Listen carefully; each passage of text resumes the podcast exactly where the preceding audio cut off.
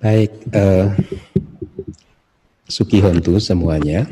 Semoga Anda semua dalam keadaan sehat, damai, dan bahagia.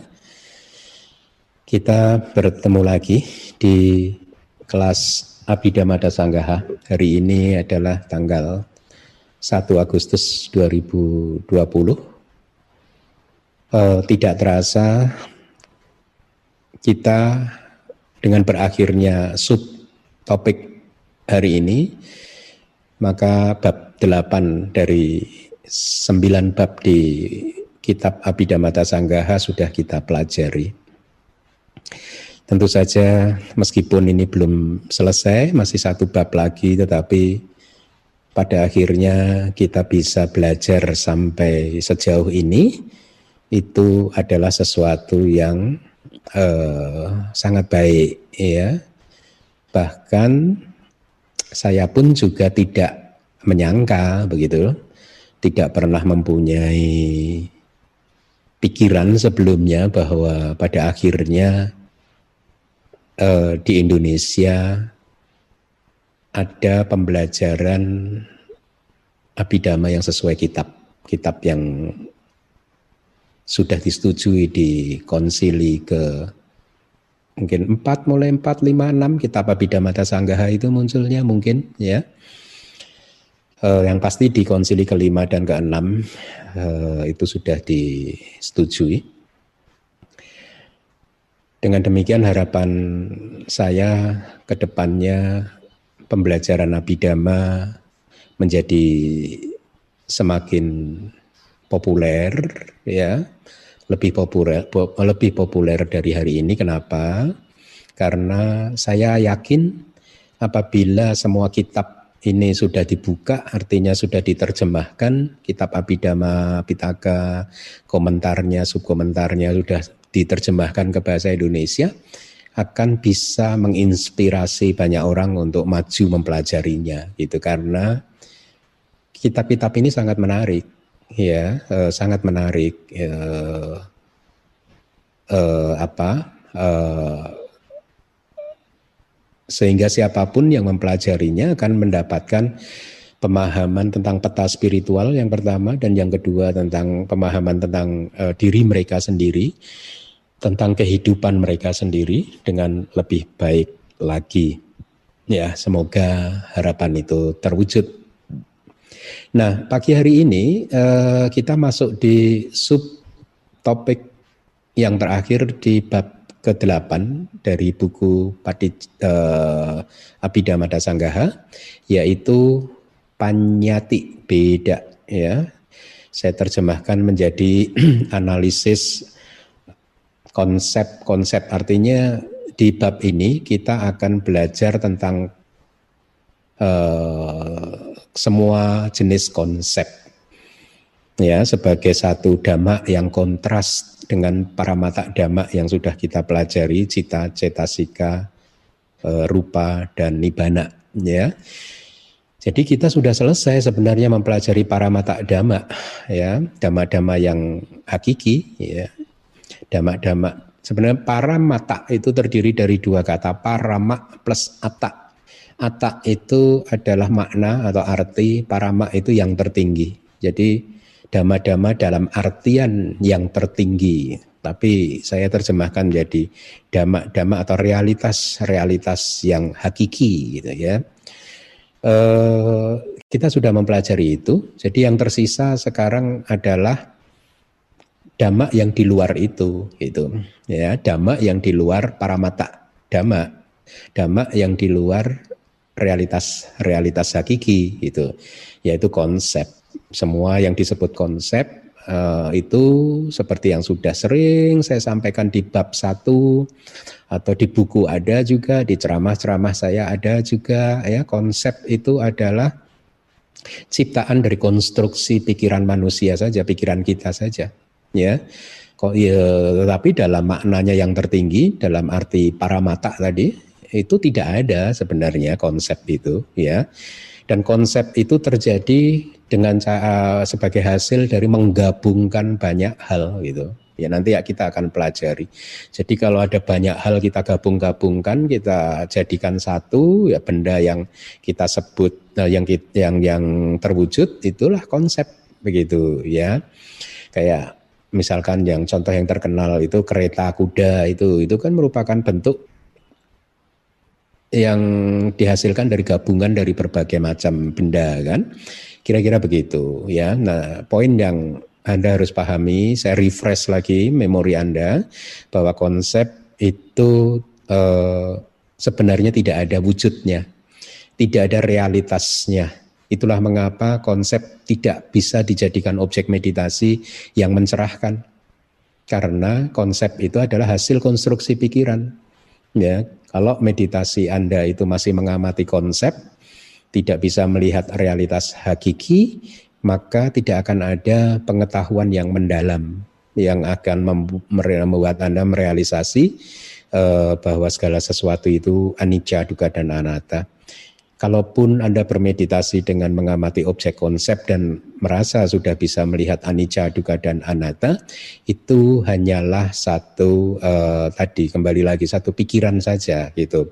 Bukan satu realisasi yang muncul dari pengamatan yang sangat dalam sekali. Nah baik, uh, supaya tidak membuang-buang waktu, saya minta slide-nya ditampilkan. Itu dari kitab Abhidhamma Sanggahanya, syair nomor 39, ya. Kemudian uh, yang tersisa adalah konsep, artinya setelah bicara para mata dhamma tadi, cita-cita sika rupa nibana, kemudian Acarya Anuruddha mengatakan yang tersisa sekarang tinggal konsep, yang menurut beliau adalah ada dua jenis berikut ini yaitu konsep yang harus dibuat diketahui atau penyapiata bahasa palinya dan konsep yang membuat diketahui atau panyapanata panyapanata itu ya. Konsep yang membuat diketahui itu artinya konsep yang membuat sesuatu itu menjadi diketahui gitu ya. Itu artinya. Jadi Acarya Anuruddha mengklasifikasikannya tentu saja beliau mengambilnya ini dari kitab-kitab Abhidhamma Pitaka dan juga uh, komentar dan subkomentarnya begitu ya. Nah, uh, kalau Anda ingat di awal-awal kelas Abhidhamma dulu di video-video di bab satu di mungkin bahkan ketika saya membahas syair-syair yang awal gitu ya mungkin ketika masih membahas sama sambudama tulang sasadama ganutama ngabiwadya basisang abhidhamma sanggaha mungkin saya sudah sering menyampaikan tentang uh, konsep ya. Nah uh, Hmm, tetapi waktu itu saya menggunakan dua nama yang memang juga sebenarnya ada di kitab-kitab kita, yaitu Atha Panyati, ya kalau Anda masih ingat, yaitu konsep sebagai makna. Kalau tidak salah dulu saya terjemahkan menjadi uh, konsep benda ya, sorry, ya. Uh, makna, makna atau konsep benda sama saja. Atha itu bisa benda, bisa makna gitu. Konsep benda ya. Atha Panyati itu adalah konsep atau benda sebagai satu konsep itu Anda bisa terjemahkan begitu. Dan yang kedua adalah nama panyati atau nama sebagai konsep. Itu kalau dulu mungkin konsep nama begitu ya. Konsep benda konsep nama. Tapi sebenarnya ada terjemahan yang lebih bagus. Atak panyati itu adalah atak itu benda atau juga bisa makna ya. Jadi benda sebagai panyati atak sebagai panyati kalau nama penyati ada panyati berarti nama sebagai panyati. Begitu cara menerjemahkannya. Ya. Nah, Atta panyati dan nama panyati itu berkaitan dengan dua jenis konsep yang disampaikan oleh Acarya Anuruddha tadi. Yaitu yang pertama adalah konsep yang harus dibuat diketahui gitu ya. Berarti konsep yang harus diketahui dengan berbagai cara, itu seperti yang ada di layar ya. Dengan pernyataan ini yang dimaksud adalah konsep sebagai benda atau benda sebagai konsep ya, terbalik ya yang dinamakan konsep yang bergantung pada sesuatu yang merupakan kebenaran konvensional itu satu kesatuan. Jadi mak maksudnya begini, atak panyati itu adalah konsep yang bergantung pada sesuatu supaya akhirnya bisa diketahui. Nah, sesuatunya itu apa? Nama panyati itu ya. Nah, semuanya itu ditegaskan di kitab Wibawinidika sebagai samuti saja, yaitu kebenaran konvensional. Saya harap Anda masih ingat penjelasan saya tentang kebenaran konvensional di bab-bab awal juga, yaitu kebenaran yang hanya eksis karena kesepakatan saja. Artinya dalam maknanya yang tertinggi sebenarnya kebenaran itu tidak eksis, tidak ada gitu ya. Dan yang dibedakan ke dalam berbagai kesatuan, kontinuitas dan lain-lain untuk damak-damak seperti materi dan lain-lain nanti akan dijelaskan uh, kalimat terakhir itu maksudnya apa. Jadi pertama yang harus Anda pahami bahwa ada panyati atau konsep yang harus dibuat diketahui itu tidak lain adalah ada panyati. Ada panyati atau benda sebagai konsep atau konsep benda Anda menyebutnya itu adalah satu konsep yang bergantung pada sesuatu. Upada panyati. Kita pernah mendengar kata upada ketika belajar rupa, bab rupa. Kita mengenal maha buta dan uh, upada rupa kan, ya, materi yang bergantung gitu ya. Yang merupakan semuanya itu kebenaran konvensional. Kebenaran konvensional itu kontras atau lawan dari kebenaran yang hakiki yaitu cita, cetasika, rupa, dan nibana. Berarti selain empat dhamma ini, maka semuanya disebut sebagai kebenaran konvensional. Konsep tersebut itu harus diketahui karena dia itu adalah konsep yang memang harus dibuat diketahui, maka dia harus diketahui oleh nama panyati ya. Nah, kemudian konsep yang kedua, konsep yang membuat diketahui berarti konsep yang membuat ada panyati tadi diketahui dengan berbagai cara ya e, dengan pernyataan ini yang dimaksudkan tidak lain adalah nama panyati yang disebut nama atau sebutan api dana untuk benda-benda yang telah telah memperoleh nama sebagai konsep karena dia membuat benda-benda diketahui. Uh, bagi yang lupa saya refresh lagi ingatan Anda. Jadi intinya begini, konsep yang membuat uh, diketahui itu adalah nama dari satu benda. Sedangkan konsep yang harus dibuat diketahui tadi yang pertama tadi uh, itu adalah bendanya itu sendiri. Jadi misalkan apa hmm, uh, benda yang disebut laptop bendanya itu ya yang dinamakan laptop itu adalah konsep yang harus diketahui, harus dibuat diketahui atau ada panyati benda sebagai konsep ya. Tetapi nama laptop itu sendiri itu adalah nama panyati ya, eh, nama sebagai konsep atau konsep yang membuat sesuatu itu diketahui ya. Ketika saya menyebut nama laptop, maka di dalam pikiran Anda terbayang satu benda yang kita sudah sepakati ber, uh, sebagai laptop ya. Jadi dengan kata lain, kata atau nama laptop itu membuat benda itu diketahui ya. Jadi itu sebenarnya dari semua yang dijelaskan tadi ada ada panyati dan nama panyati atau ada konsep yang harus dibuat diketahui dan konsep yang membuat diketahui itu ya. Nah, next slide. Abhidhamma Sanggaha uh, mengklasifikasikannya di dalam berbagai kelompok ya. Slide berikutnya seperti yang Anda bisa baca di layar bagaimana gitu. Satu, Benda-benda seperti bumi, gunung-gunung, dan lain-lain adalah dibuat diketahui dalam berbagai cara dengan merujuk pada corak perubahan di berbagai elemen-elemen dasar yang besar. Elemen-elemen dasar yang besar itu adalah elemen tanah, elemen air, elemen api, dan elemen angin. Ya, jadi eh, bumi, gunung-gunung, dan lain-lain itu uh, adalah uh, konsep yang harus dibuat diketahui. Tetapi sebenarnya tulisan bumi, gunung-gunung itu sendiri adalah nama, ya. Itu adalah konsep yang membuat bendanya diketahui. Tapi Yang di sini yang di apa eh, pahami bumi dan gunung-gunung itu adalah bendanya ya. Kemudian yang kedua, benda-benda seperti rumah-rumah, kereta-kereta, andong-andong dan lain-lain. Andong-andong itu uh, ya kereta dan andong itu karena bahasa palinya berbeda. Anda bisa cek di kamus besar bahasa Indonesia. Semuanya itu merujuk pada corak formasi dari berbagai material yang nanti akan saya sampaikan. Artinya corak formasi dari berbagai material itu mereka itu disusun dari berbagai material, dari berbagai komponen. Misalkan dari roda, tempat duduk dan lain sebagainya gitu. Poin uh, kelompok yang ketiga adalah benda-benda seperti manusia, individu-individu dan lain-lain. Itu merujuk pada penta agregat, pancaka ganda. Penta itu adalah artinya satu grup yang isinya lima ya. Jadi agregat sebagai satu grup isinya lima atau itu nama lainnya adalah pancakanda karena memang bahasa kata palinya berbeda bukan pancakanda tapi pancaka panda gitu kanda ya. Jadi saya terjemahkan jadi penta agregat itu tidak lain adalah lima agregat ya Kemudian yang nomor empat, sesuatu seperti penjuru, arah penjuru mata angin, waktu dan lain-lain merujuk pada perputaran rembulan dan lain-lain nanti akan dijelaskan. Poin lima, benda-benda seperti sumur, gua dan lain-lain merujuk pada coraknya yang tidak tersentuh.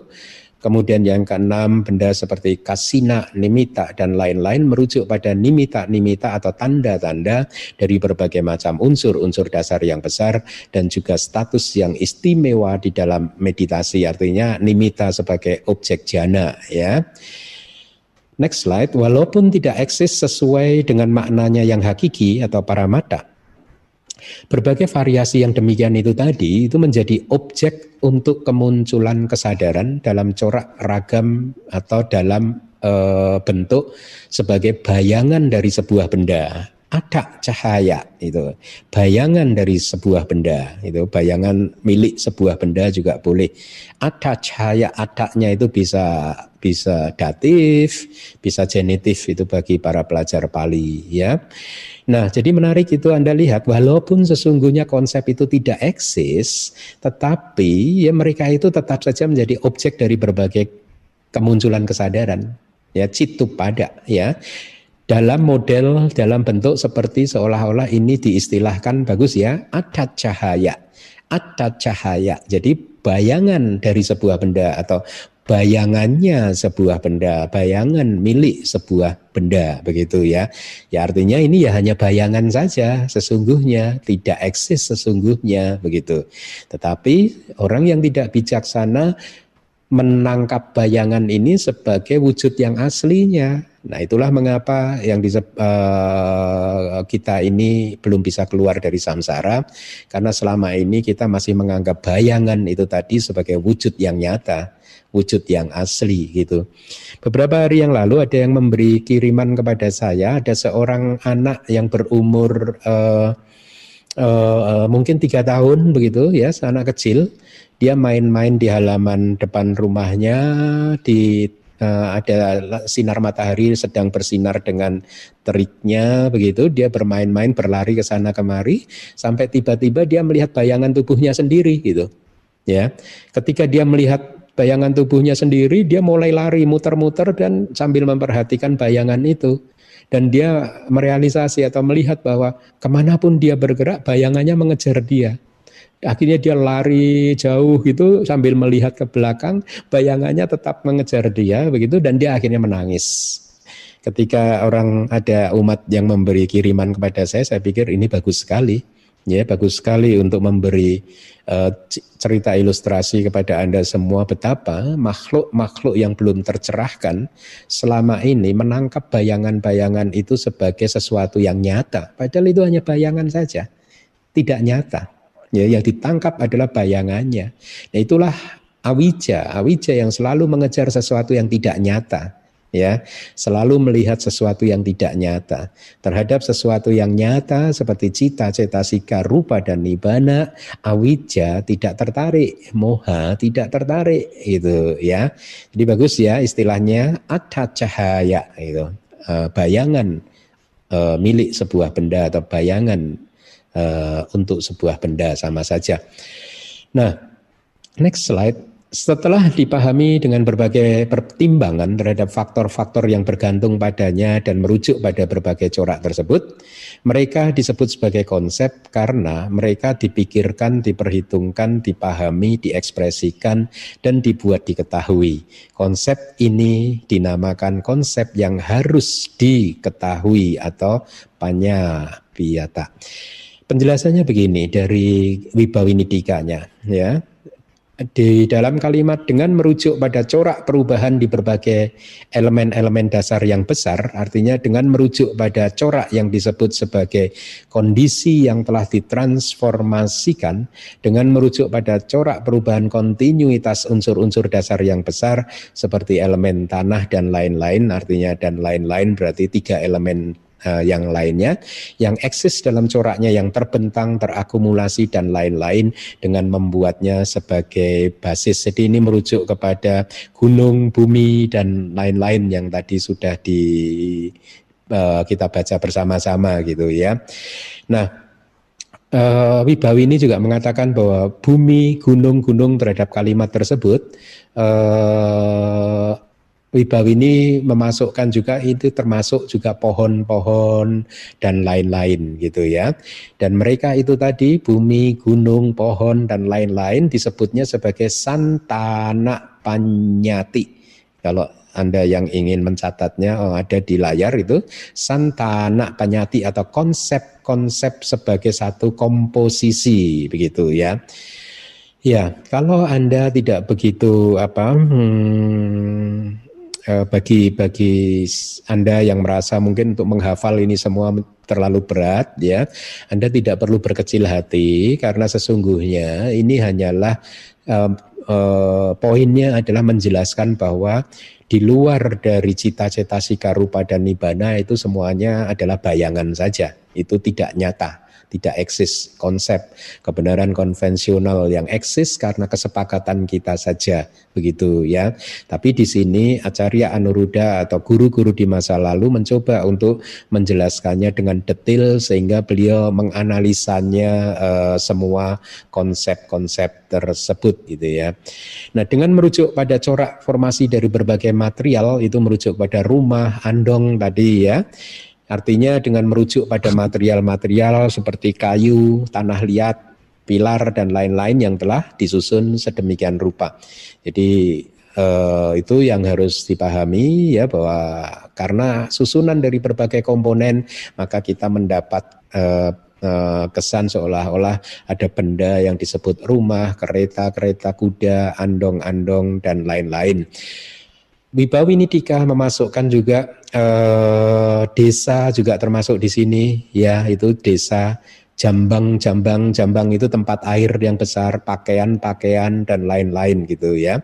Itu disebut sebagai konsep yang B, yang kedua konsep kolektif. Kenapa? Samuha Panyati karena memang mereka dibentuk dari kumpulan dari berbagai material begitu ya. Nah selanjutnya penjuru mata angin, waktu dan lain-lain itu uh, adalah konsep konsep uh, apa? Uh, maaf konsepnya ada tiga itu ya.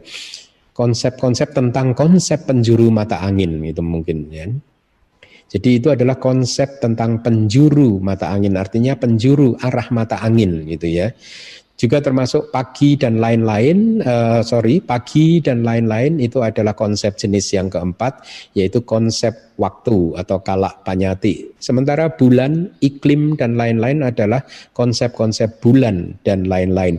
Bulan di sini bukan rembulan yang sebagai bayangannya matahari itu bukan, tapi bulan Januari, bulan Februari dan seterusnya itu bahasa palinya masak itu ada. Kalau rembulan itu bahasa palinya uh, surya canda bukan masak ya. Kemudian coraknya yang tidak ada sumur, gua itu juga termasuk konsep karena coraknya yang tidak tersentuh, yaitu apa maksudnya corak untuk lubangnya itu dan lain-lain yang tidak tersentuh oleh berbagai macam klaster-klaster materi. Menarik ya. Jadi ruang angkasa itu ya lubang di dalam sumur di dalam gua itu tidak tersentuh oleh berbagai macam klaster-klaster materi gitu atau rupa kelapa. Sumur-sumur, gua-gua dan lain-lain uh, termasuk berarti di sini juga lubang-lubang dan lain-lain adalah konsep-konsep angkasa itu. Dalam corak ragam bayangan sebuah benda ya. Artinya penjelasan dari Wibawinidika adalah dalam corak seperti bayangan untuk damak-damak yang hakiki atau para mata damak. Dalam corak sebagai pasangannya. Menarik ya. Padi baga, Anda sudah sering mendengar kata padi baga itu adalah apa? Objek dari jana kan? Ya, objek dari upacara samadhi juga. Padi baga itu adalah uh, itu saya terjemahkan sebagai pasangannya. Jadi konsep-konsep tersebut, semua konsep itu adalah padi baga atau pasangan dari para mata dhamma. Ya, seperti tadi Anda bayangkan saja tadi anak, anak bayi umur tiga tahun tadi bayangannya itu sebenarnya pasang eh, pasangan dari tubuh jasmaninya sendiri begitu ya. Tapi dia menganggapnya itu sebagai nyata dan malah ketakutan sendiri ketakutan sendiri ya. Nah selanjutnya uh, syair dari Abhidhamma Sanggaha akan tetapi Konsep yang membuat diketahui dijelaskan dengan menggunakan nama, seperti nama-nama, penamaan, penamaan, dan lain-lain. Itu pun ada enam konsep. Yang pertama adalah konsep tentang sesuatu yang eksis. Wijak mana itu existing, ya, sesuatu yang eksis gitu. Kemudian dua adalah mana artinya konsep tentang sesuatu yang tidak eksis. Ketiga adalah konsep tentang sesuatu yang tidak eksis dengan melalui sesuatu yang eksis.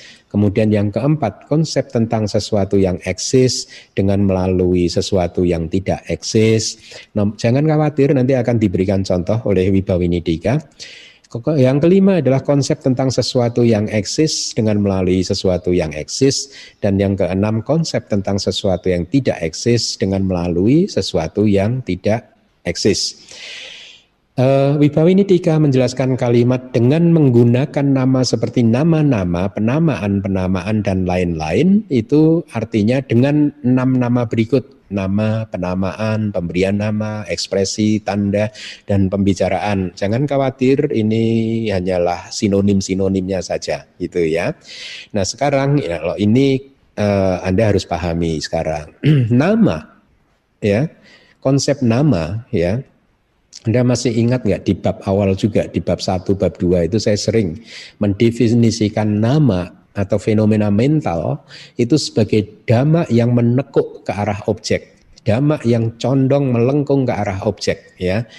Uh, itu definisi dari nama. Nah, mirip dengan definisi tersebut, konsep nama, nama di sini pun adalah sesuatu yang membengkok itu melengkung, condong gitu ya. Membengkok ke arah mana, melengkung ke arah mana, melengkung terhadap eh, benda-benda uh, atau makna dari sebuah benda. Maksudnya begitu ya. Tadi saya katakan adha itu bisa diartikan sebagai makna, bisa sebagai benda ya. Jadi nama itu adalah sesuatu yang membengkok, melengkung, condong ke arah makna dari sebuah benda atau melengkung, membeng, uh, membengkok, condong ke arah benda-benda. Jadi nama itu hanyalah tidak lain ya nama seperti yang kita pahami dengan bahasa Indonesia.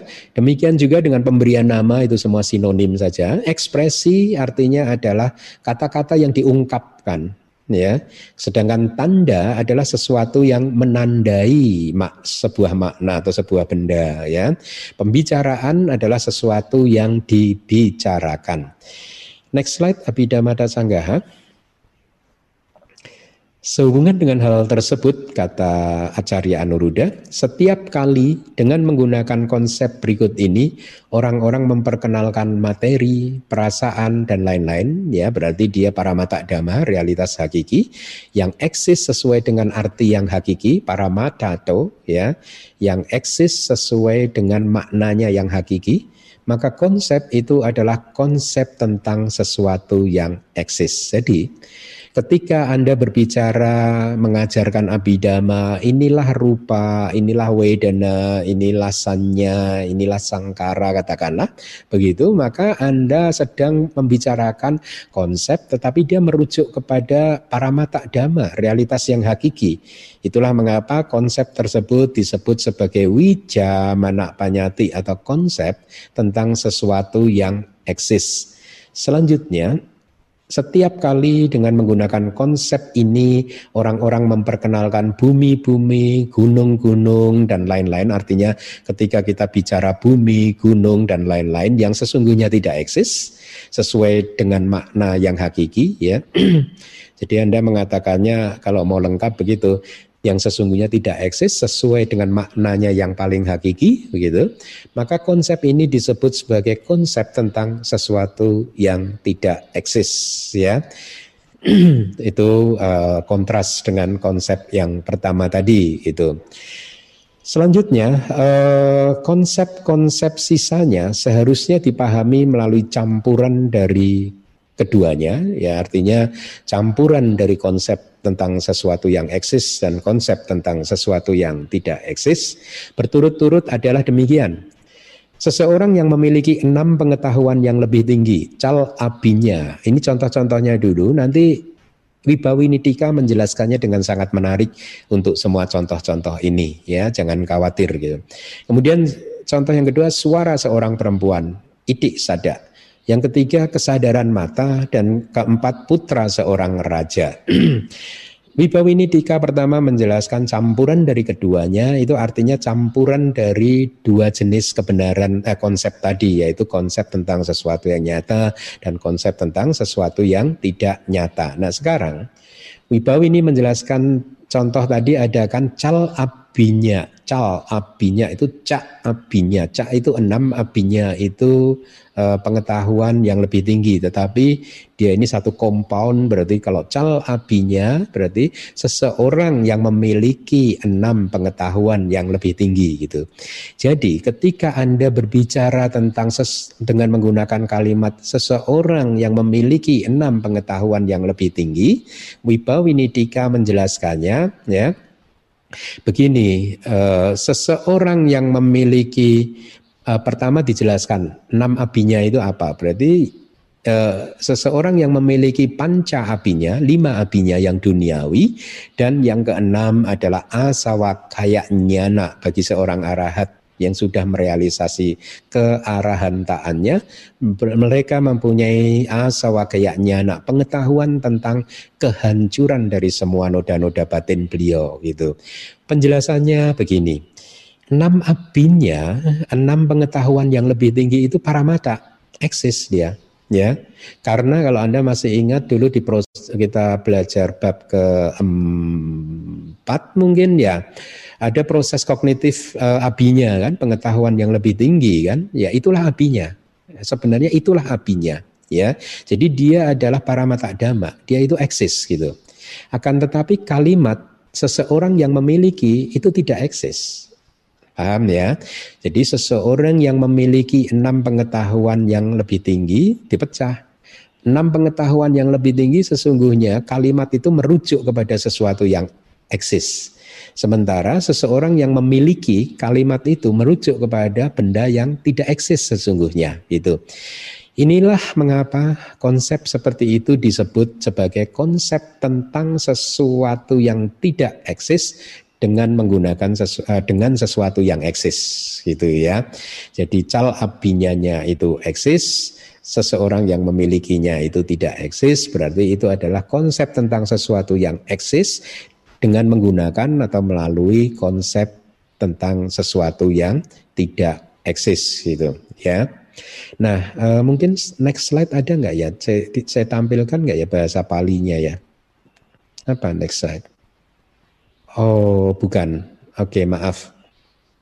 Ya, uh, jadi ya, oke okay, terima kasih. Jadi uh, uh, Wibawinidika itu membagi konsep-konsep tersebut ada beberapa. Yang pertama adalah wija manena awija mana panyati artinya konsep tentang sesuatu yang tidak eksis dengan menggunakan atau melalui sesuatu yang eksis. Yang kedua adalah awija manena wija mana panyati artinya konsep tentang sesuatu yang uh, eksis dengan menggunakan sesuatu yang uh, tidak eksis. Kemudian yang ketiga, variasinya adalah wijak manena, wijak mana panyati. Konsep tentang sesuatu yang eksis dengan menggunakan sesuatu yang eksis atau dengan sesuatu yang eksis melalui sesuatu yang eksis gitu. Yang keempat adalah akwija manena akwija mana panyati, yaitu konsep tentang sesuatu yang tidak eksis dengan menggunakan sesuatu yang eksis atau melalui atau dengan gitu sama saja dengan sesuatu yang eksis. Jadi ini hanyalah variasi-variasi dari kombinasi yang terjadi ketika Anda mengkombinasikan sesuatu konsep tentang sesuatu yang eksis dan konsep tentang sesuatu yang tidak eksis begitu. Tadi di contoh yang kedua disebutkan suara seorang perempuan, idik sada ya. Nah, Ketika Anda berbicara, eh itu ada suara seorang perempuan, maka kalimat seorang perempuan itu adalah tidak eksis ya. Tetapi suara sada itu adalah sebenarnya eksis ya. Merujuk kepada sesuatu yang eksis ya. Kita udah belajar 28 rupa kan? Salah satunya adalah sada kan? Suara ya. Jadi kata suara itu merujuk kepada sesuatu yang eksis. Jadi inilah konsep tentang sesuatu yang eksis dengan menggunakan sesuatu yang tidak uh, eksis gitu ya. Kemudian yang berikutnya kesadaran mata. Caku winyana. Nah, Anda pahami, winyana itu eksis, kesadaran itu eksis, artinya itu adalah para mata dhamma itu ya. Sementara mata itu pun juga eksis karena mata adalah satu bentuk materi yang disebut caku pesada kan itu juga eksis. Jadi inilah konsep tentang sesuatu yang eksis dengan menggunakan sesuatu yang eksis atau mungkin kalimat tepatnya gini aja deh Eh, sesuatu yang eksis dengan sesuatu yang eksis. Sesuatu yang eksis dengan sesuatu yang tidak eksis. Sesuatu yang tidak eksis dengan sesuatu yang eksis gitu mungkin lebih tepat ya. Kemudian putra seorang raja tadi ada kalimat seperti itu. Raja itu tidak eksis. Putra juga tidak eksis ya. Inilah konsep tentang sesuatu yang tidak eksis dengan sesuatu yang tidak eksis. Nah, Mohon slide berikutnya, poin 43 ditampilkan. Dengan mengikuti suara percakapan melalui uh, proses kognitif pintu telinga dan dengan melalui konsep yang dipahami melalui pintu batin yang telah muncul tanpa antara, kemudian makna dari objek bisa dipahami. Konsep-konsep ini seharusnya dipahami sebagai diciptakan oleh kesepakatan dunia. Bagus ya, coba Anda kita ulangi lagi, kita resapi pelan-pelan ya. Ketika ada seseorang bercakap-cakap, Kemudian kita mengikuti suara percakapan tersebut. Pada awalnya suara percakapan tersebut ditangkap oleh proses kognitif pintu telinga ya. Dan dengan akhirnya setelah proses kognitif pintu telinga ada proses kognitif pintu batin yang mengikutinya. Oleh karena itulah dikatakan dan dengan melalui konsep yang dipahami melalui pintu batin. Lihat, pintu batin menangkap konsep ya karena ini adalah uh, proses kognitif uh, lingkup indriawi ya. Dia menangkap konsep yang dipahami melalui pintu batin yang telah muncul tanpa antara. Artinya tanpa antara berarti persis sesudah proses kognitif pintu bat, uh, telinga lenyap ya. Kemudian atau maka selanjutnya makna dari suara tadi bisa dipahami atau makna dari objek tadi bisa di pahami. Konsep-konsep ini seharusnya dipahami sebagai diciptakan oleh kesepakatan dunia. Ini juga bagus ya, makanya saya uh, apa uh, miring kan itu italik ya loka sangketa nimita ya loka itu dunia ya uh, uh, nimitanya itu lihat M-nya double bukan objek meditasi karena dia nimita M-nya double. Artinya itu diciptakan. Anda sudah pernah ketemu ketika ber, uh, kita belajar 31 alam kehidupan ada satu bumi alam dewa surgawi yang tertinggi yang disebut para nimita wasawati yaitu penguasa yang menguasai ciptaan-ciptaan benar atau sesuatu yang diciptakan oleh dewa-dewa yang lain gitu. Ya jadi nimita itu m-nya double bukan objek meditasi beda. Kalau objek meditasi itu t-nya yang double nimita. Ya jadi diciptakan oleh kesepakatan dunia sangketa loka loka sangketa. Ya itulah yang sering saya sebut sebagai apa? Hmm, atau yang kita sering mendengar kita sudah pelajari eh, kebenaran konvensional yang hanya merupakan konvensi-konvensi saja, perjanjian atau kesepakatan kita saja ya. Dulu di kelas-kelas awal saya sudah sering eh, memberikan contoh karena waktu itu Anda mungkin baru saja mengenal saya gitu maka saya Waktu itu beri contoh diri saya ketika sebelumnya Anda belum kenal saya, ketika pertama kali Anda melihat saya, kemudian Anda mendengar bahwa ini adalah Bante Keminda, nama Bante Keminda itu sebenarnya kesepakatan umum saja. Dunia sudah sepakat bahwa bentuk yang seperti ini adalah Asin Keminda yang tinggal di Damak Wihari Buddhist Studies begitu ya. Nah, jadi menarik ya. Itu Anda boleh hafalkan terutama bagi para guru abidama supaya Anda uh, kalau kita punya banyak hafalan itu enak dalam mengajar itu uh, Anda sebagai guru abidama ketika mengajar Anda seperti mendapatkan satu panduan kalau Anda sudah hafal begitu ya. Nah, mari kita lihat uh, penjelasan dari Wibawinidikanya gitu. Tadi dikatakan dengan mengikuti suara percakapan itu penjelasannya begini. Jadi proses kognitif pintu telinga itu berlangsung dengan mengikuti suara yang diciptakan melalui ucapan ya. Uh, itu itu penjelasan dari Wibawini tiga. Jadi proses kognitif pintu telinga itu berlangsung atau berproses atau muncul dengan cara mengikuti suara-suara yang diciptakan oleh apa pun, baik itu oleh benda ataupun oleh eh, elemen-elemen seperti elemen uh, utuh dan lain-lain, temperatur atau oleh bahkan oleh manusia atau oleh binatang, suara-suara itu yang uh, munculnya dari sana gitu. Nah, proses kognitif pintu telinga mengikuti suara tersebut ya. Misalkan diberi contoh di dalam uh, Wibawinidika ketika seseorang berkata bumi, gunung, materi, perasaan dan lain-lain. Nah, tanpa antara dengan proses kognitif pintu telinga tersebut, uh, maka objek yang tadinya realitas hakiki itu tadi kemudian sudah lenyap, akhirnya dia menjadi uh, konsep dikatakan demikian di Wibawinidika. Uh, sebuah konsep yang menjadi objek di pintu batin yang mengikutinya dengan cara memikirkannya. Itu tadi suara apa ya? Itu ya. Kita tidak berbicara tentang uh, lima atau enam proses tad anuwadika witi ya tada anuwadika witi atau proses kognitif yang mengikuti proses kognitif pintu panca indera secara detail yang kita pernah pelajari di dalam bab keempat tentang proses kognitif. Kita tidak sedang berbicara seperti itu tetapi saya melihat wibawinidika hanya merangkumnya saja. Jadi setelah proses kognitif pintu telinga kemudian suara itu diambil oleh batin dan itu sudah jadi konsep sudah langsung jadi konsep begitu ya nah, uh, uh, menjadi objek di pintu batin dengan cara memikirkannya, memikirkannya berarti artinya itu tadi apa ya, gitu ya, suara apa ya, gitu.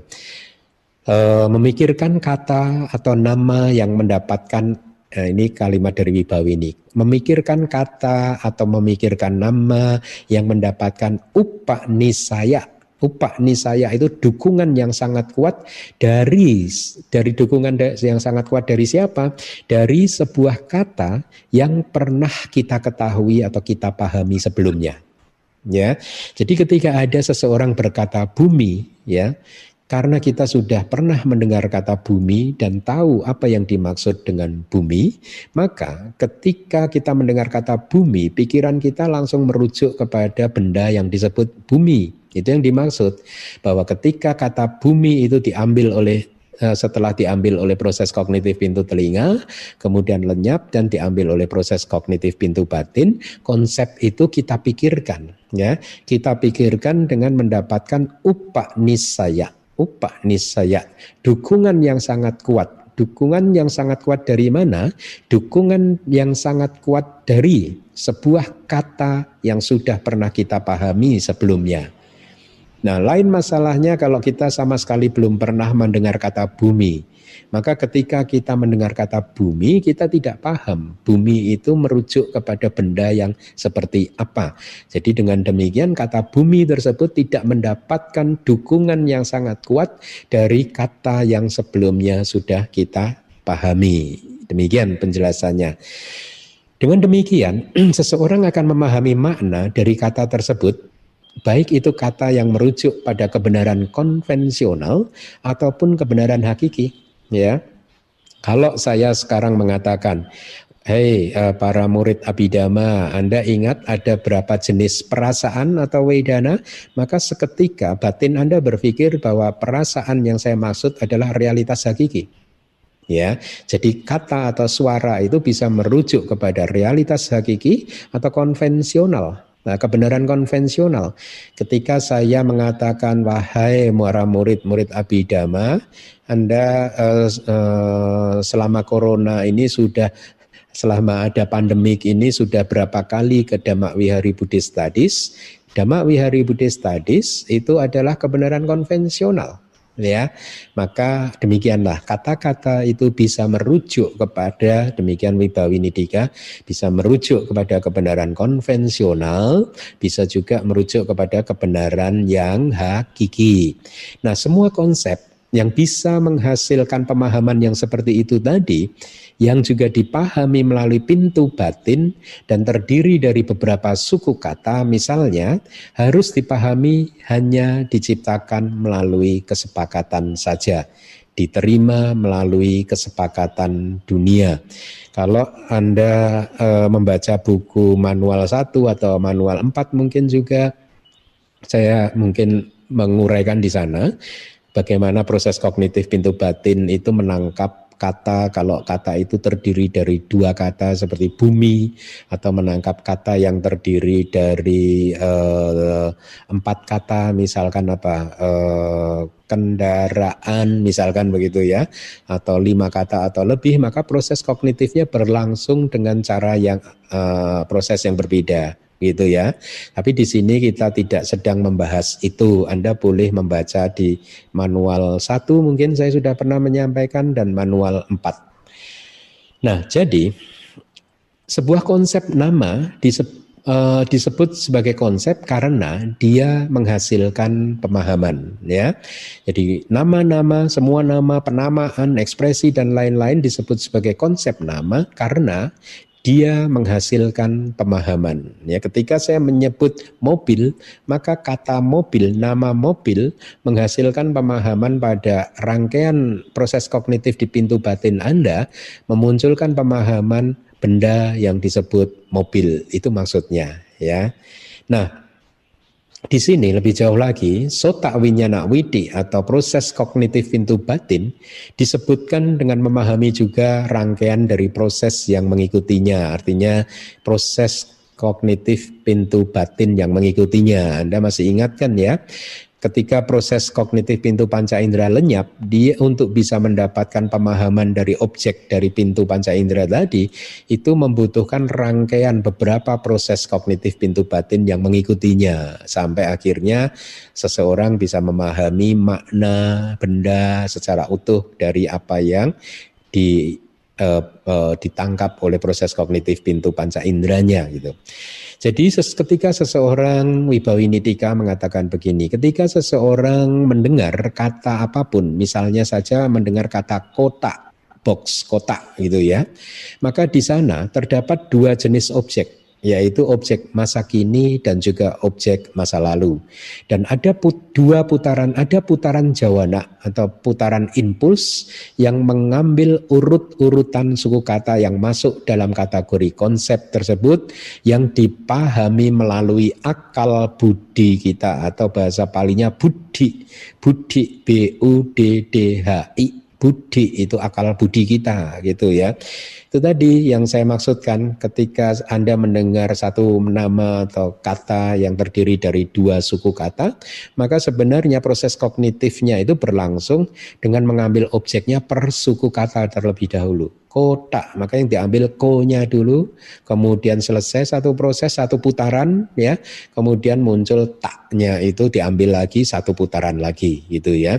Jadi ada putaran beberapa putaran jawana yang mengambil urut-urutan dari suku kata tersebut. Dengan cara yang seperti itu, maka sebuah konsep bisa dipahami pada akhirnya setelah proses di momen jawana tersebut yang memiliki objek suara atau kata-kata masa lalu dan jawana tersebut muncul persis tanpa antara dengan proses kognitif di pintu telinga. Jadi akhirnya setelah suku kata-suku katanya itu dipahami, kemudian diambil secara keseluruhan ya diambil secara keseluruhan kotak begitu ya sehingga akhirnya muncullah pemahaman di pintu batin setelah proses kognitif pintu telinga. Nah, jadi eh, kira-kira uh, demikian meskipun Wiba Winidika hanya memberikan uh, apa contoh yang seperti itu tapi poinnya adalah kita memahami bahwa sekarang eh, di luar cita, cetasika, rupa dan nibbana semuanya itu adalah konsep dan konsep itu adalah sesuatu yang tidak eksis ya. Tetapi makhluk yang belum tercerahkan menganggap sesuatu yang tidak eksis sebagai sesuatu yang nyata dan dia bisa mengejarnya, mencintainya, eh, menyukainya atau bahkan takut terhadapnya seperti uh, anak kecil yang tadi saya ceritakan takut terhadap bayangannya sendiri begitu. Nah, semua konsep karena dia tidak eksis, dia diberi uh, kalimat oleh hmm, kitab uh, apa? Uh, tadi Abhidhamma Sanggaha ya sebagai atat cahaya bayangan dari sebuah benda atau bayangan milik sebuah benda begitu.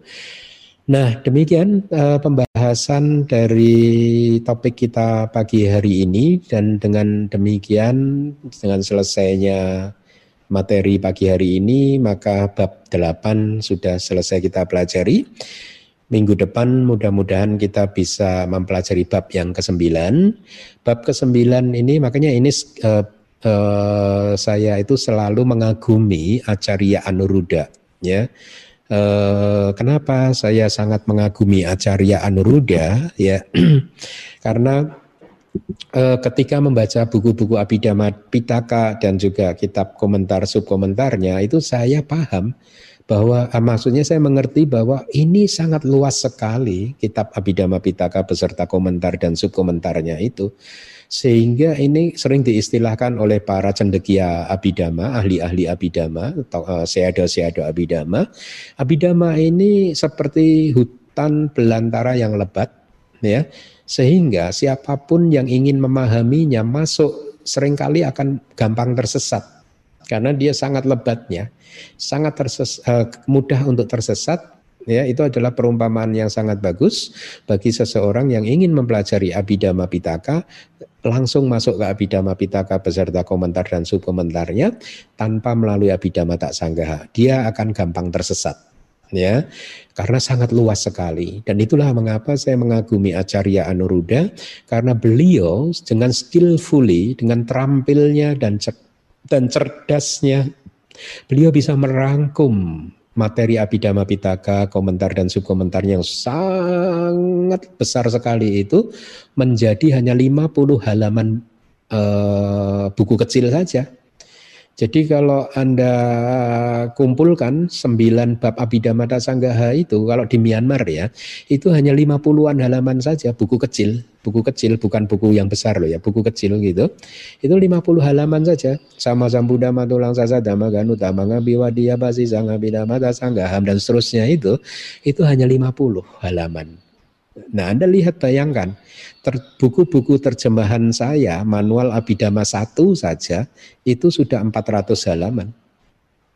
Oke, manual Abhidhamma 1 mungkin banyak dari kata-kata saya, tetapi manual Abhidhamma 2, 3, kes, semakin ke sini itu sudah sedikit kata-kata tambahan dari saya. Bayangkan, rata-rata satu buku pun adalah satu bab manual Abhidhamma yang saya tulis itu rata-rata terdiri dari 250 sampai 300 halaman. Dan meskipun itu sebagian besar memang benar-benar saya ambil dari kitab-kitab tadi, itu pun belum semua loh saya ambil. Ya, belum semua. Makanya bayangkan betapa hebatnya Acarya Anuruddha itu.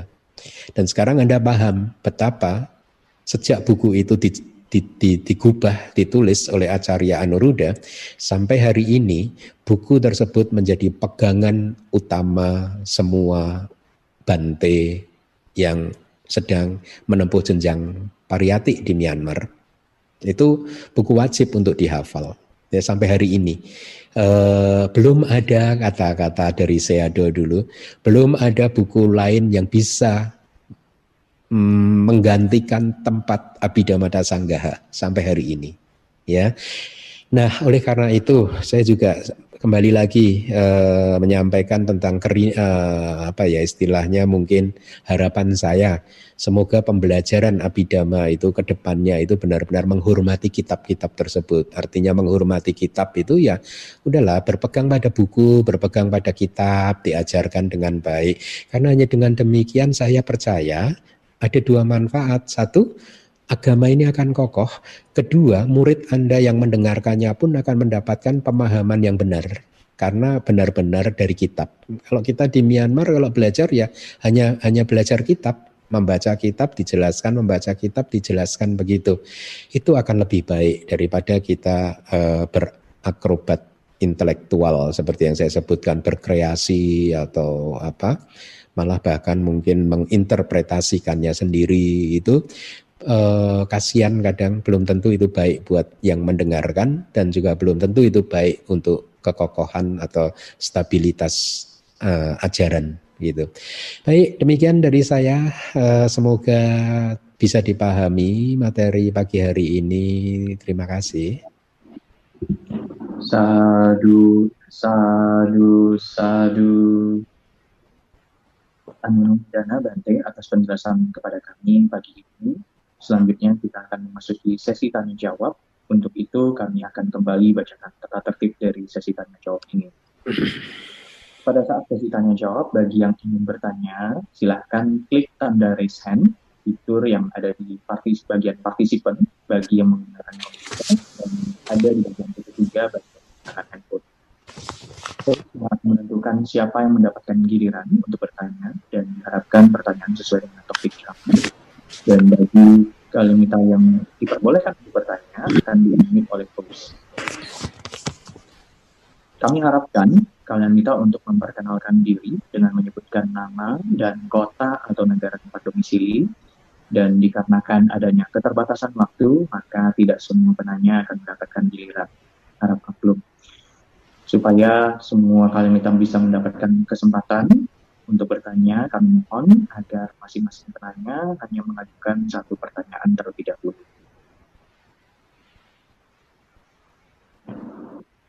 Bagi kalian yang ingin bertanya, silahkan raise hand.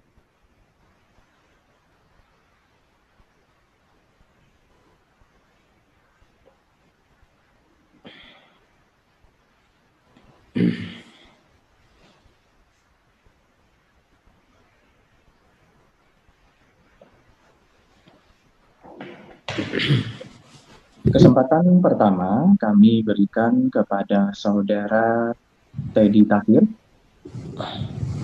Silakan. Nomor Dana Bante. Uh, saya punya beberapa pertanyaan. Hmm. Pertanyaan pertama itu uh, berkaitan dengan konsep eka Bante, di mana bahwa uh, satu tetapi dia di oleh didukung oleh banyak faktor yang lain. Contohnya misalnya kita menyebutkan pintu misalnya.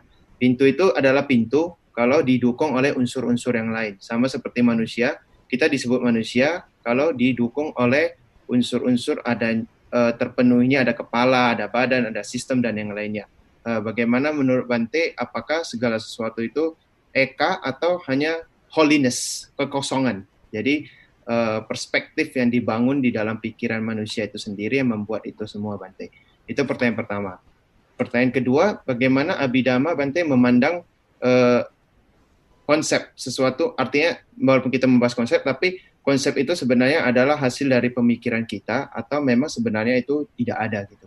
Terima kasih. Baik, yang ke keterkaitan antara pertanyaan pertama dan pertanyaan kedua.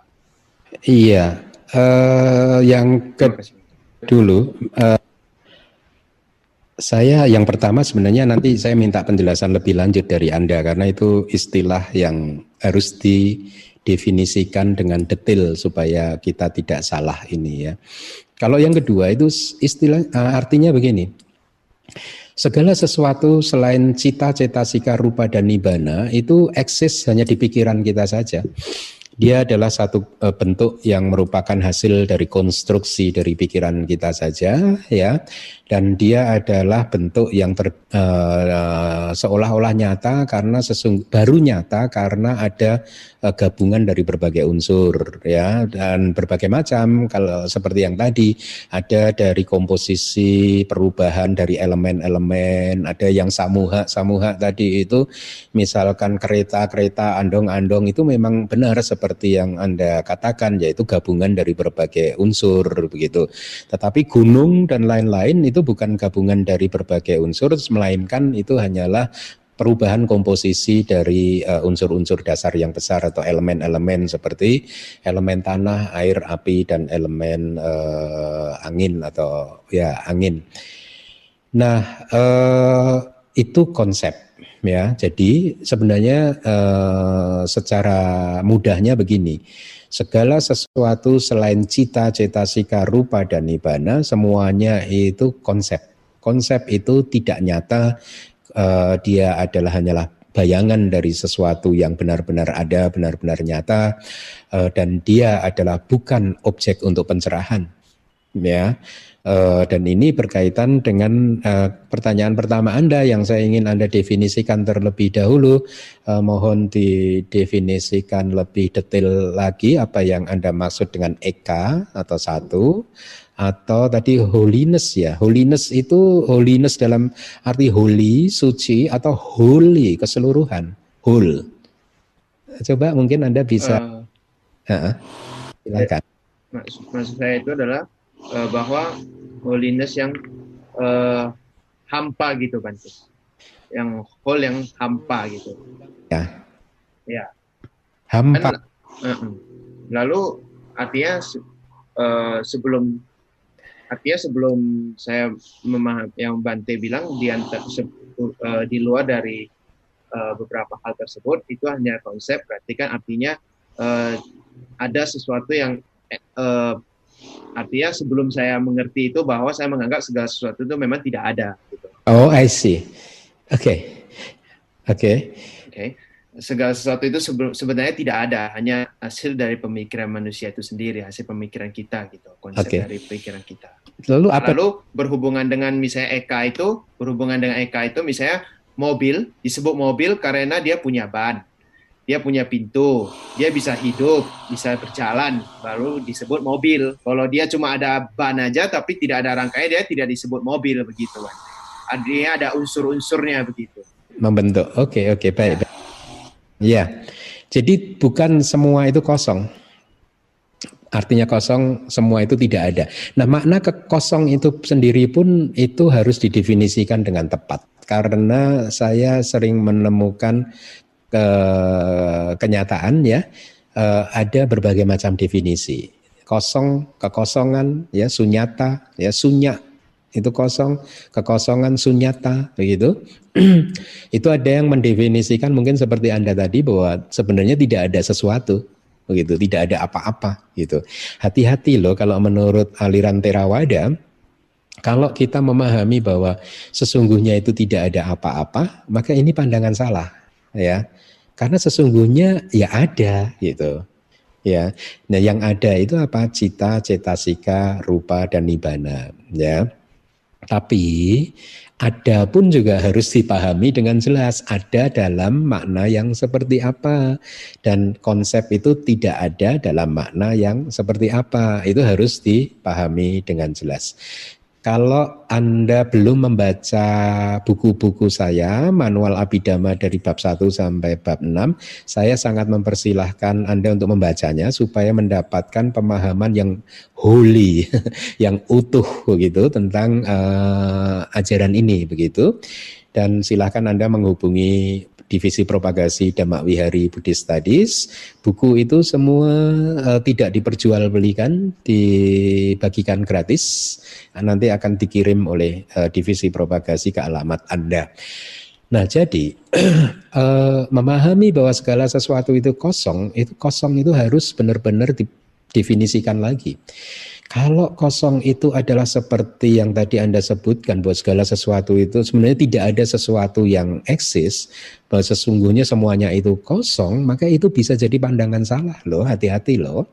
Itu pandangan salah dan e, kenapa saya katakan hati-hati? Karena pandangan salah itu e, tentang kemusnahan ya, bahwa segala sesuatu itu musnah, nggak ada lagi, begitu, itu e, bisa sangat merusak Sedemikian merusaknya bahkan bisa memunculkan karma apa, pemahaman-pemahaman yang salah yang lainnya yang akhirnya menjadi satu karma buruk dan akhirnya malah ber, mempunyai kekuatan untuk memproduksi penderitaan dan juga memproduksi kelahiran kembali di alam-alam yang tidak menguntungkan. Makanya eh, hati-hati di sana.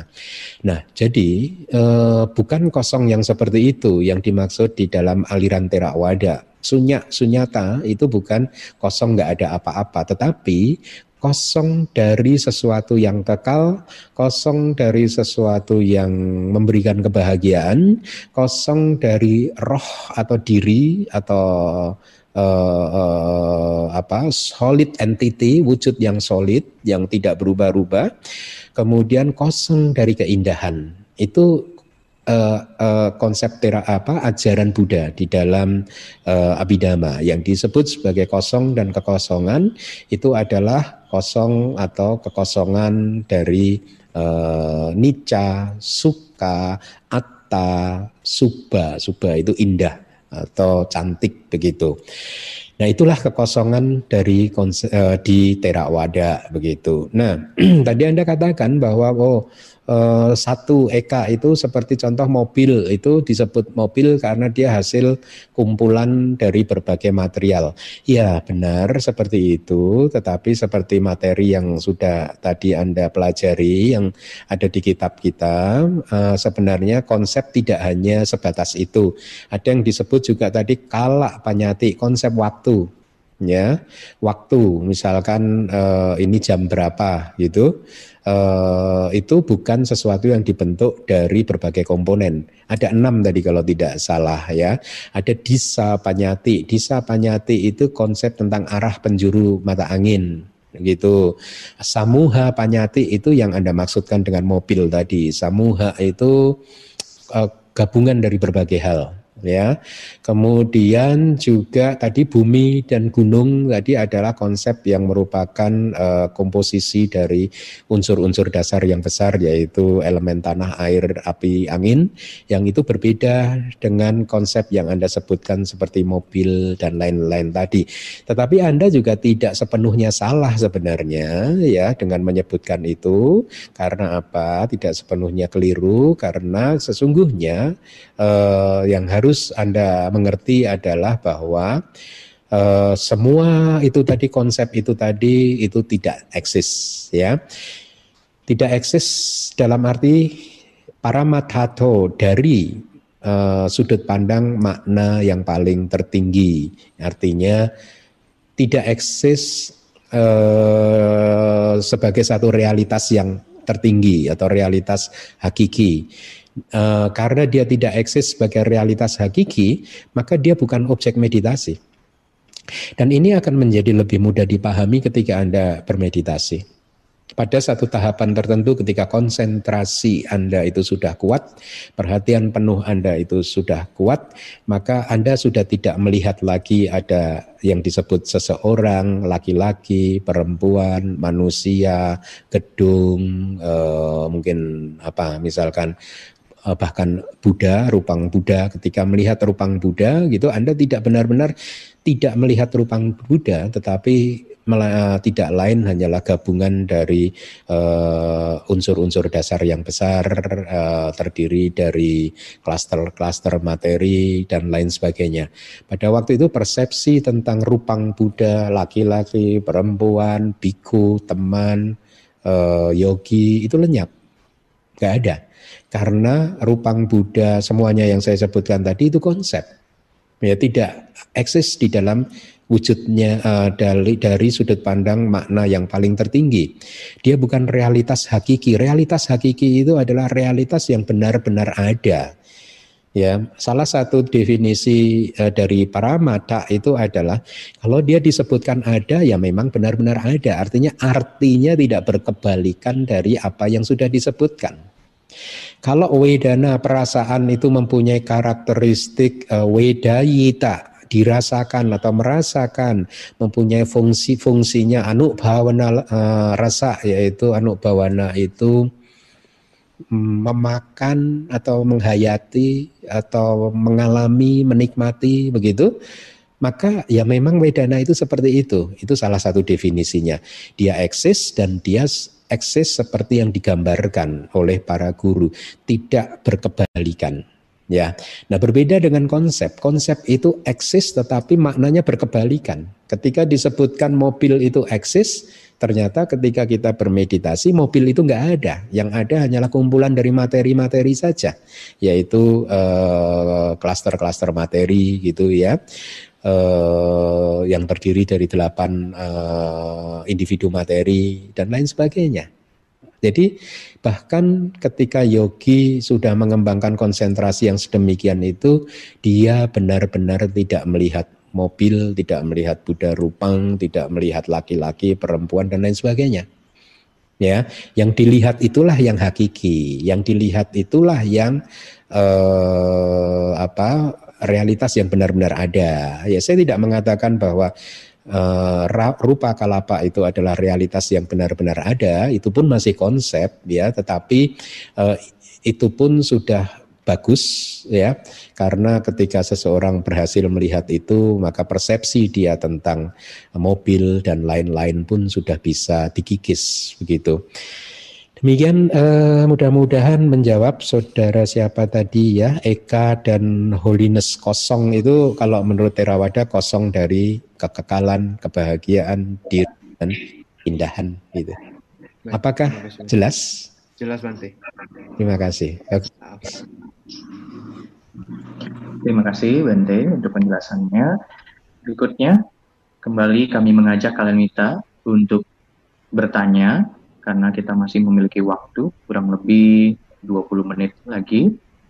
Kami persilahkan bagi yang ingin bertanya bisa langsung klik raise hand atau di bagian partisipan bagi yang menggunakan komputer dan bagi yang menggunakan handphone itu bisa di bagian titik tiga ya. Uh, mohon izin uh, Handi untuk tanya. Ya, silahkan Pak Aris. Ya, uh, Bante saya mau tanya tadi Bante mengenai uh, gunung tidak masuk dalam konsep hanya perubahan uh, unsur utama. Ya.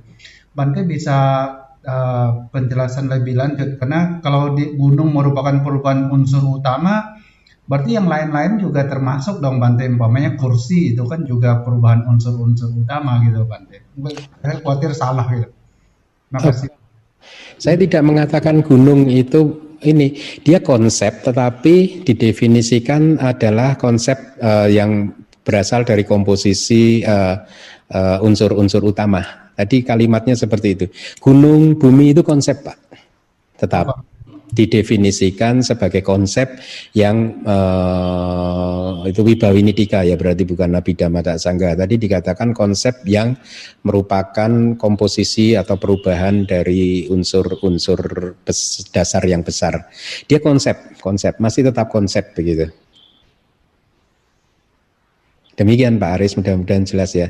Memang kalau gunung itu kalau kita lihat kan sebenarnya juga memang terdiri dari itu tadi ya, unsur-unsur dasar yang besar itu tadi Pak. Ya, ya, makasih Bante ketika dibentuk sebagai gunung itu sudah dikonstruksi oleh pikiran kita dan itulah mengapa dia disebut sebagai konsep. Begitu pemahamannya sih.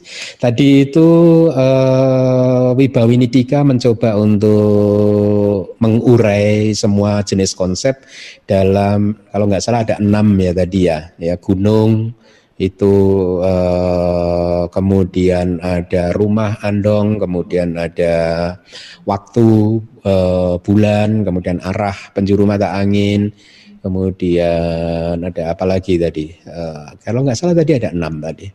Ya, ya, Bang. Konsep, Pak. Oh, Oke, okay. makasih Bante. Uh. Baik, berikutnya Karenita, silahkan bertanya. Berhubung ini merupakan kelas terakhir dari bab ke-8 ya Bante ya? Iya. Minggu depan kita akan segera memasuki bab terakhir dari Abhidhamata Sanggaha. Silahkan. Apabila Karenita yang ingin bertanya.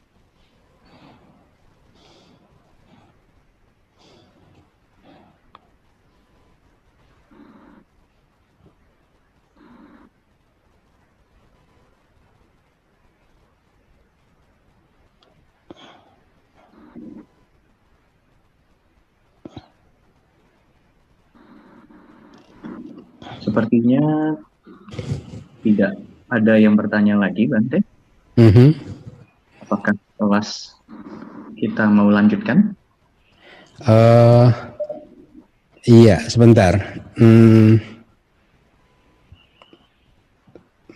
saya akan coba cari tadi dari Wibawinidikanya supaya apa uh, jelas ya. Bante. Tadi uh, iya, hmm, sebentar saya cari. Ya, uh, karena mungkin tadi tidak ada di slide. Bumi, gunung itu masuk konsep.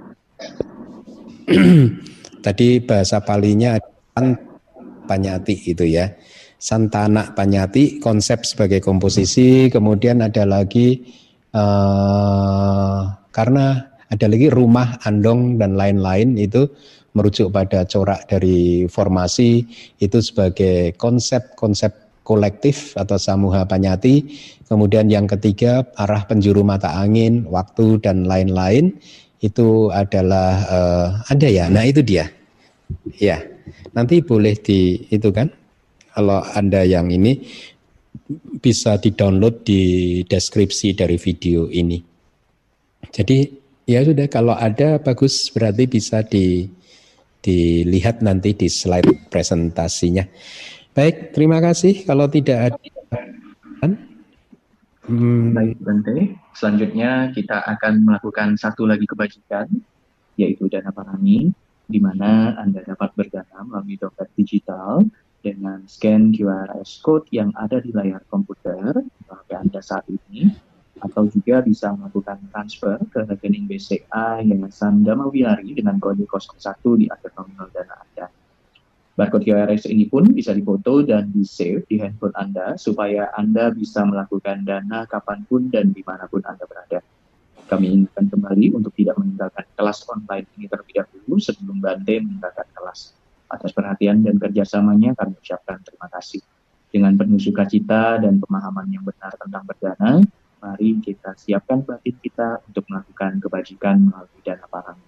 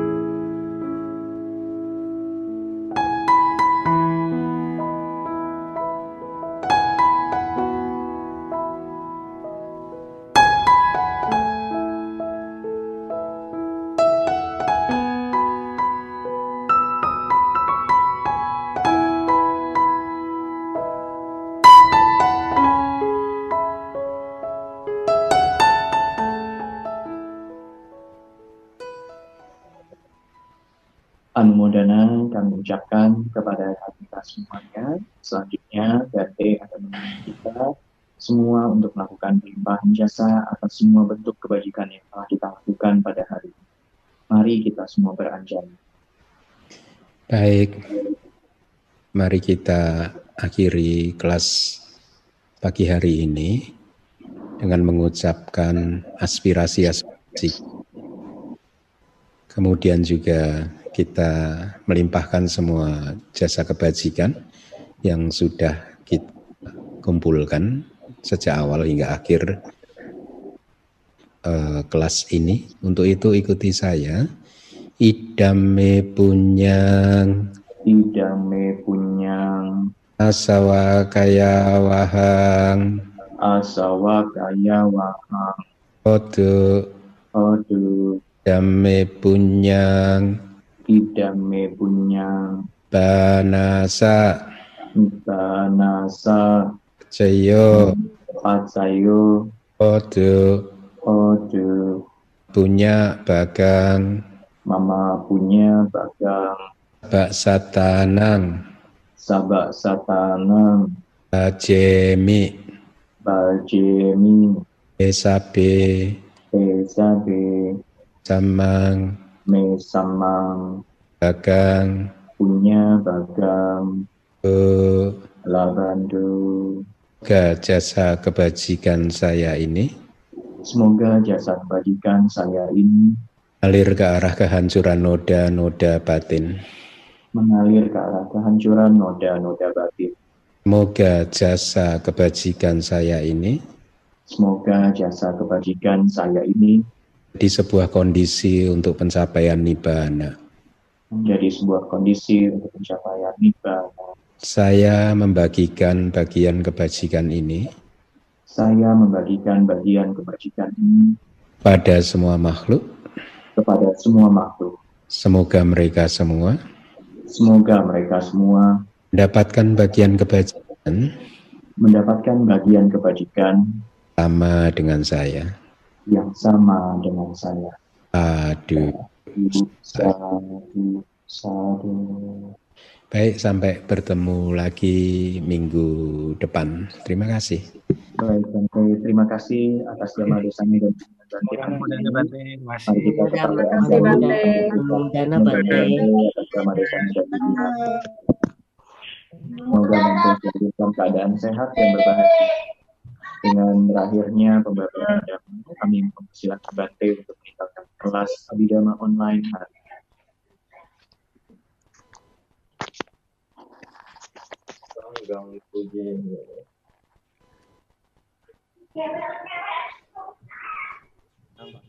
atas bimbingan dan tanpa desa hari ini.